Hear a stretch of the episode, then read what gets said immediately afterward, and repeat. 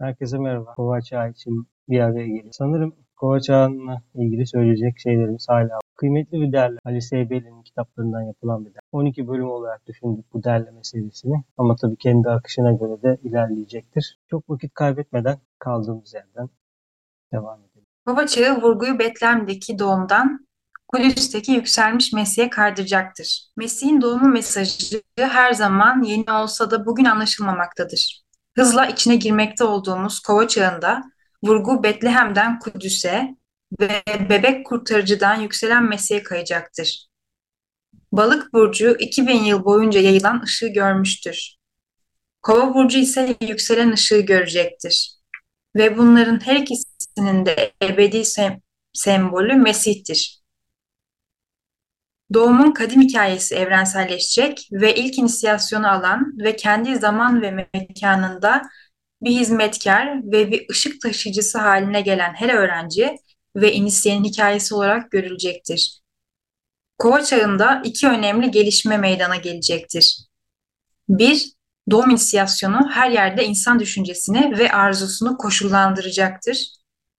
İki, yeni doğmuş Mesih'in ya da çarmıha gerilmiş Mesih'in dini değil, yükselmiş Mesih'in dini ayırt edici anafil olacaktır. Buradaki her bir kelimenin hem kültürde hem dinde bir karşılığı olduğu için özellikle Hristiyanlık olarak tanımlanan dinde. Dolayısıyla söylediğimiz şeyler bu konularda hassasiyeti olan insanlara etkileyebilir. O yüzden Mesih ne demek, İsa ne demek, İsa Mesih ne demek, e, bunların her birinin farklı farklı e, anlamları olabilir ama bu okült ya da yapabiliyorsak ezoterik açıklamak insanların anlayışlarında bazı çatırtılar oluşturabilir ki bu da yargı çıkartmalarına sebep olabilir. O yüzden hayatında bu bilgelikle ya da bilgilerle karşılaşmadıysa yavaş yavaş araması, araştırması faydalı olacaktır. Çünkü değişik hikayeler var bununla ilgili ve Teozofi Steiner gibi e, yazarlar, öğretmenler ya da derlemeler bize Mesih'in ne olduğunu, İsa'nın ne olduğunu ya da ilk inisiyasyonun ne olduğuna dair güçlü bilgiler veriyor. Ama kova çağında öğrencilik hedefi içinde olanların doğum inisiyasyonunun her yerde insanın arzusunu oluşturması önemli bir hedef olacak. Çünkü biz inisiyasyon ne demek bilmiyoruz. Sanki ayrı ayrı gruplarda, kapalı mekanlar ardında özel belki tırnak içinde elitist bir grubun nasıl seçiliyorlar, nasıl oraya giriyorlar tabii o da ayrı birer konu olduğuna dair fikirlerimiz olabilir ama inisiyasyonun dünyaya açılması burada planlanıyor ve doğumun birinci inisiyasyon olması söyleniyor ki burada bir sembolik anlam var tabii. Çünkü İsa'nın doğduğu yer Betlehem ve Kudüs'e girmesi. Tabii Kudüs ne demek? Yükselmiş Mesih değişik dini anlamlar içerebilir ama buradaki anlamları dini anlamlardan daha farklı. O yüzden kova çağında öğrenciliğin kova çağına hazırlayış gibi bir sorumluluğu var. Özellikle Dünya Hizmetkarları yeni grubunun. Kova çağında kültürle kovanın getirdiği zekalar arasında köprü görevi görüyorlar. Ama bu köprü görmek demek özensizlik değil, bir şeylerin daha yavaş yavaş ilerlemesi anlamına geliyor. Ve en önemlisi çarmıha gerilmiş Mesih'in dini değil, yükselmiş Mesih'in dini olması. Bu bugün dünyada Hristiyanlık olarak bilinen ve biliyoruz ki patriarçlıkla yönetiliyor kendisi. Orta Doğu'da gelen bir din ama merkezi e, Avrupa'da bir yerde. Batı'da yani tırnak içinde. Batı'nın ne anlama geldiği öğrencinin zihninde olsun ve bir eril silsileyle ilerliyor. Dolayısıyla bu değişime nasıl alan açacaklar? Bu erillik ne anlama gelecek? Patriarçlık nasıl yükselecek? Çünkü dünya anası diye bir kadim bir varlık var ve o varlık onun özel bir planı olduğundan bahsediliyor. Dolayısıyla bu büyük değişim yani acıya tutulmuş, gerilmiş, işte kendini bizim için feda etmiş gibi ve bunun sembolizmini de taşıyorlar. İşte haç üzerinde çivilenmiş. Tabii bu çivi de sembolik bir anlam. Yani sabit durmasını istediğin bir şeyin üzerine gelip çivi çakarsın. E, zaten bu haçın öğrencinin haçı olduğu biliniyor. Göklerin sabit taşı denilen şey yani Mesih'in e, üzerine gerildiği, her öğrencinin üzerine gerilmesi gereken bir haç zaten. O anlamda bunu böyle özelleştirip diğer bütün her şeyin içinden ayırıp işte bu Mesih'tir, bu şudur, bu budur demeye gerek yok. Çünkü adını koydukları yer çok ilginç. Yani kadın hep kutsal ve bakire, tırnak içinde kirlenmemiş. Ama bir anlamda da işte bebek İsa'yı doğuruyor. Çok ciddi değişiklikler olacak. Çok açık zaten bu anlamların içinde. Bakalım yani Mesih buralarda olursa sanırım bayağı bir anlamakta zorlanacaktır bu dinin ne olduğunu. Evet, burada daha fazla şey belki söylemek gerekiyor ama söylersek bazı hassasiyetleri tahriş etmiş olabiliriz. Bu sinir sistemi için iyi değil. Kova çağının yaşama ve maddesel mezarlıktan özgürlüğe vurgusu. Kova çağında yükselmiş Mesih'in kendisi su taşıyıcısıdır. O bu kez daha önce ana misyonu olan Tanrı'nın oğlu, Tanrı'nın oğlunun mükemmel yaşamını göstermeyecek, spiritüel hiyerarşinin yüce başkanı olarak ortaya çıkacak ve dünyanın susamış uluslarının gerçeğe, doğru insan ilişkilerine ve sevgi dolu anlayışa susamış ihtiyacını karşılayacaktır. O bu kez herkes tarafından tanınacak ve kendi şahsında diriliş gerçeğine tanıklık edecek ve böylece ruhun, spiritüel insanın ölümsüzlüğünün paralel gerçeğini gösterecektir. Kova çağında vurgu yaşam ve maddesel mezarlıktan kurtuluş üzerine olacaktır. Ve bu da yeni dünya dinini kendisinden önceki tüm dinlerden ayıracak olan notadır. Kova çağı birçok anlamda zorlayıcı olacağı kesin. Hem belli toplumlarda bir aşamaya gelmiş ve o statüko içinde, o konum içinde ona verilen, tabii onun kimin verdiği de ayrı bir konu. E çünkü spiritüel yaşın var mı? Belli bir inisiyasyonu aldın mı oraya gelmek için? Yoksa belli ilişkilerle ya da anlayışlarla mı oradasın? Dolayısıyla bütün bu konumlarda olanlar işte farklı farklı dini seviyeler olduğunu biliyoruz. Ve her bir dini seviyenin işte farklı farklı görevleri var. Dolayısıyla bunlar üzerinde çok büyük bir e, değişiklik olacak. E, Destiny of the Nations kitabı yani ulusların kaderi öğrencinin e, ulusların ya da dünya planını anlamaya yönelik çok önemli bir kaynağı ve kova çağı ile ilgili bu da kova çağda e, kültür üzerinde ve dünya üzerinde açığa çıkacak, kendisini gösterecek bir şey olduğu için bütün uluslar bundan etkilenecek öyle ya da böyle. Dolayısıyla birçok yerde anlayış, anlayışlar genişleyecek ve bu bu genişliği yaratabilmek için çünkü şu an daha yapılar çok sıkı hepimizin üzerine düşen görevler var. Bir defa doğru düşünce formları üretip yaymak gerekiyor. Çünkü maddesel mezarlıktan kurtuluştan bahsediyor. Yani bu bu bile çok büyük bir söylem yani. Ve e, Mesih'i şu an Mesih olarak tanımlayan dinin temsilcilerine gidip bakın böyle bir çalışma var. Mesih'in böyle bir anlayışı olabilir. İşte Mesih hiyerarşide şuraya oturuyor, şöyle şöyle ilişkileri var denilse bile aynı şeyi devam ettirmek ve aynı yolun içinde olmak isteyebilirler. Çünkü yeni dünya dininde bir güçleri ve konumları olmayacak. Ama bu çok büyük bir şey. Yani işte İsa'nın arkasından gelen, İsa Mesih öğretmenin arkasından gelen kişi nasıl aydınlanabilirim dediğinde her şeyini bırak demesi gibi bir şey ama benim işte konumum var, mevkim var, işte öğrencilerim var. Ne istiyorsun hayatta? Yani kurtuluş istiyorsan yapman gereken bu önemli bir sınav olacak herkes için. Dolayısıyla bu geçişi geçişte dördüncülüğe çok iş düşüyor. Müzik, sanat. Çünkü dördüncülüğe iyi gözlersek e, kültür üzerinde önemli etkileri var. Mesela bizim toplumumuzda da e, bir dönem işte bazı e, dillerin ve kültürlerin müziği yasakken şimdi bunlar devlet televizyonlarından bile verilebiliyor. Dolayısıyla bazı müzisyenlerin buraya gelmesi kaynaştırıcı özellik yapıyor. Dolayısıyla bu bunu öğrenciler biraz daha okült olarak kullanmaya başlayabilirler belki müziğin bu yönünü, bu kaynaştırıcı yönü. Kova Çağı hakkındaki müjde öyküsünün son bölümünde yer alan iki önemli bölüm. Müj- Müjde öyküsünün son bölümünde biri Mesih'in görünürdeki ölümünden hemen önce, diğeri de hemen sonra olmak üzere iki önemli olayın anlatılması önemlidir. Bunlar. Birincisi, su kabını taşıyan ve kova burcunu simgeleyen kişinin havarileri götürdüğü ve herkesin katıldığı ilk komünyon ayininin yapıldığı ve balık çağının sınavlarından sonra gelecek çağda insanlığı ayırt edecek olan o büyük ilişkiyi önceden haber veren üst odanın öyküsü. Böyle bir komünyon ayini henüz hiç yapılmamıştır.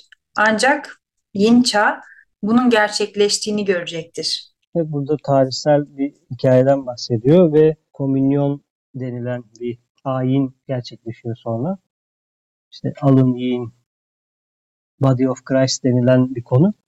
Bu arada öğrenciler için e, önemli bir mantra.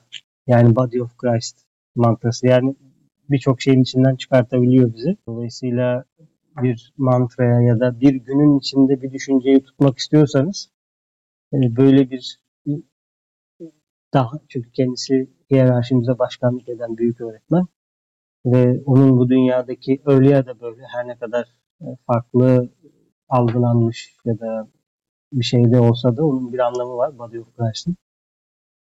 Dolayısıyla belki bu, bu en azından bu kelimeyi akılda tutmak bile kişiyi yükseklere bağlama yollarından bir tanesi olabilir.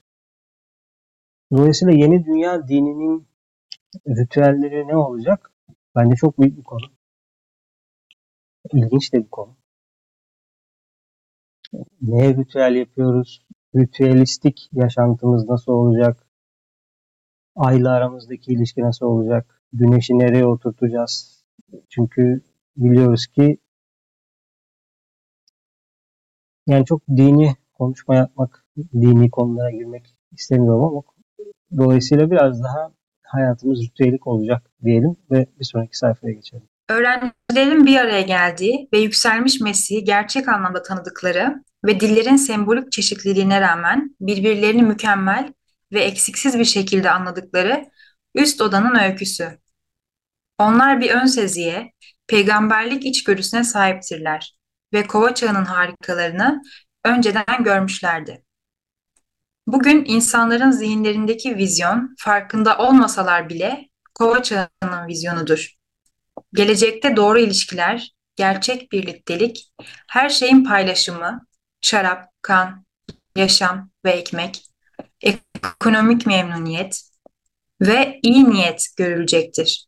Ayrıca tüm ulus, ulusların tam bir anlayış içinde birleştiği ve farklı geleneklerin, kültürlerin, medeniyetlerin ve bakış açılarının sembolü olan dil çeşitliliğinin doğru insan ilişkilerini engel teşkil etmeyeceği insanlığın geleceğine dair bir resme sahibiz. Bu resimlerin her birinin merkezinde Mesih bulunmaktadır. Böylece Birleşmiş Milletler'in ifade edilen amaçları ve çabaları nihayetinde meyvesini verecek ve tüm dinlen ve spiritüel gruplardan bir araya gelen yeni bir Tanrı Kilisesi, birlik içinde büyük ayrılık sapkınlığına son verecektir. Sevgi, birlik ve yükselmiş Mesih mevcut olacak ve o bize mükemmel yaşamı gösterecektir. Bu işte bir Revelations, Yuhanna'nın Revelation'ında olduğu gibi. Yani hiyerarşinin belki de tahmin ediyoruz. Üstadların kendi arasındaki konuşma şekillerini belki bize burada ifade ediyorlar. Çünkü bu vizyona sahip, bu vizyon olacaktır, şunlar şunlar olacaktır. Bir Dolayısıyla bu birisinin zihninde belirmiş bir görüntü, bir ve buna bağlı birçok şey. Dolayısıyla birileri bunu zihninde tutup sürekli bunun e, radyasyonunu yayıyorlar. İşte bizim devalara yaymaya çalıştığımız o üçlü seviye gibi. Tabii bizim dikkatimiz bir dakikada bir dağılıyor. Yani onu yapıyoruz. Bunu ya da beş dakika olsun ya da yarım saat olsun neyse. Ama çok uzun süreler boyunca bu vizyonu birisi öyle bir akıl tabii bu teknik anlamında bir akıl söylemesi çok mümkün değil.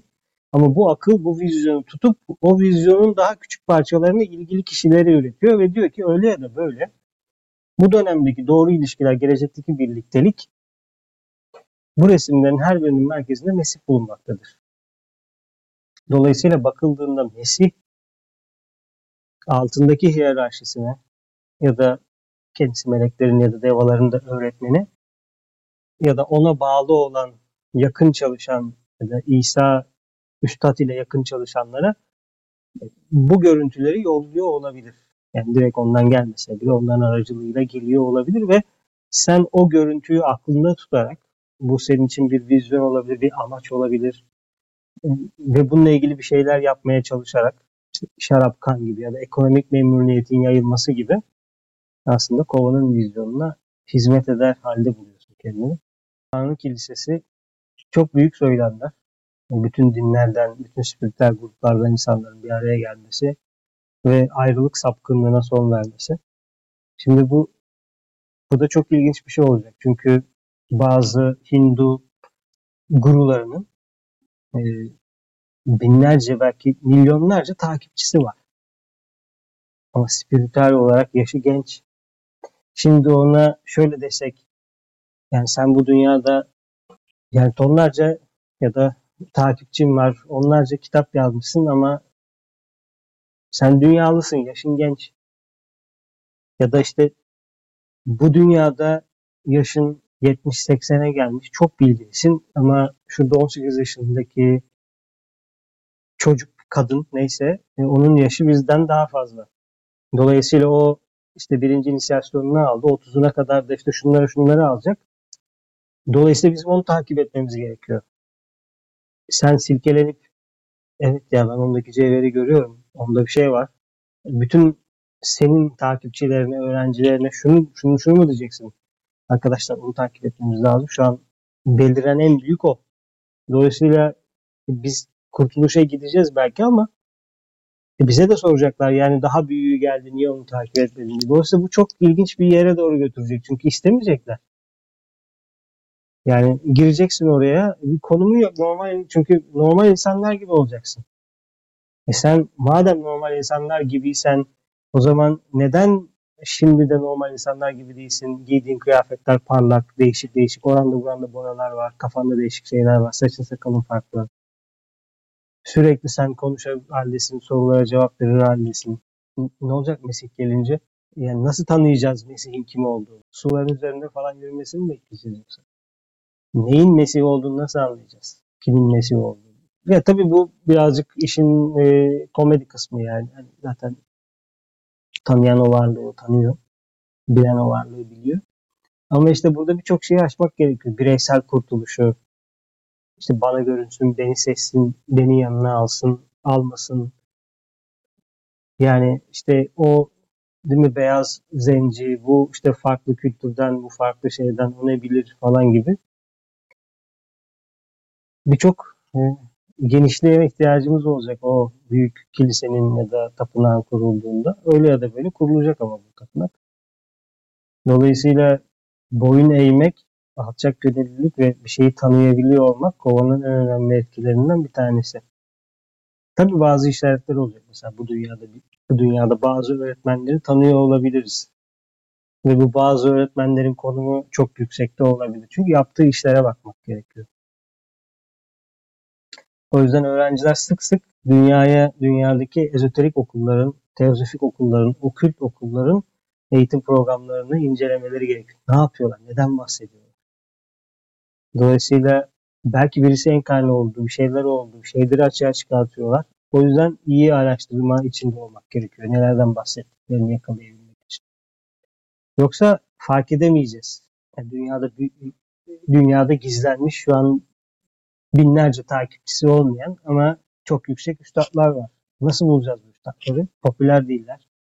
Bilinmiyorlar. Anlattığı şeyi anlayamıyorsun. Ama varlıksal olarak da çekiliyorsun oraya. Yani şey dediğimi düşün mesela ben 3. inisiyasyon altında kimseyle konuşmuyorum mesela ne olacak? Bunu neden söylüyorum? Ee, aslında sistemin ne yapmaya çalıştığını ya da bir şeylerin nasıl yerleştiğini anlatmak için bunu söylüyorum. Yani kim kimle çalışıyor, nasıl çalışıyor, ne dereceye kadar çalışıyor, ne konuşuyorlar. hangi seviyede bir şeyler gelip gidiyor, ne anlatıyorlar, bu kişi nereye bahsediyor olabilir gibi. Evet bu akşamlık bu kadar. Güzel bir yere geldik. Konser bizi güzel bir yere getiriyor. Dalgalarında bizi sörf yaptırıyor. Bir sonraki bölümde görüşmek üzere. Teşekkür ediyorum herkese katıldığı için.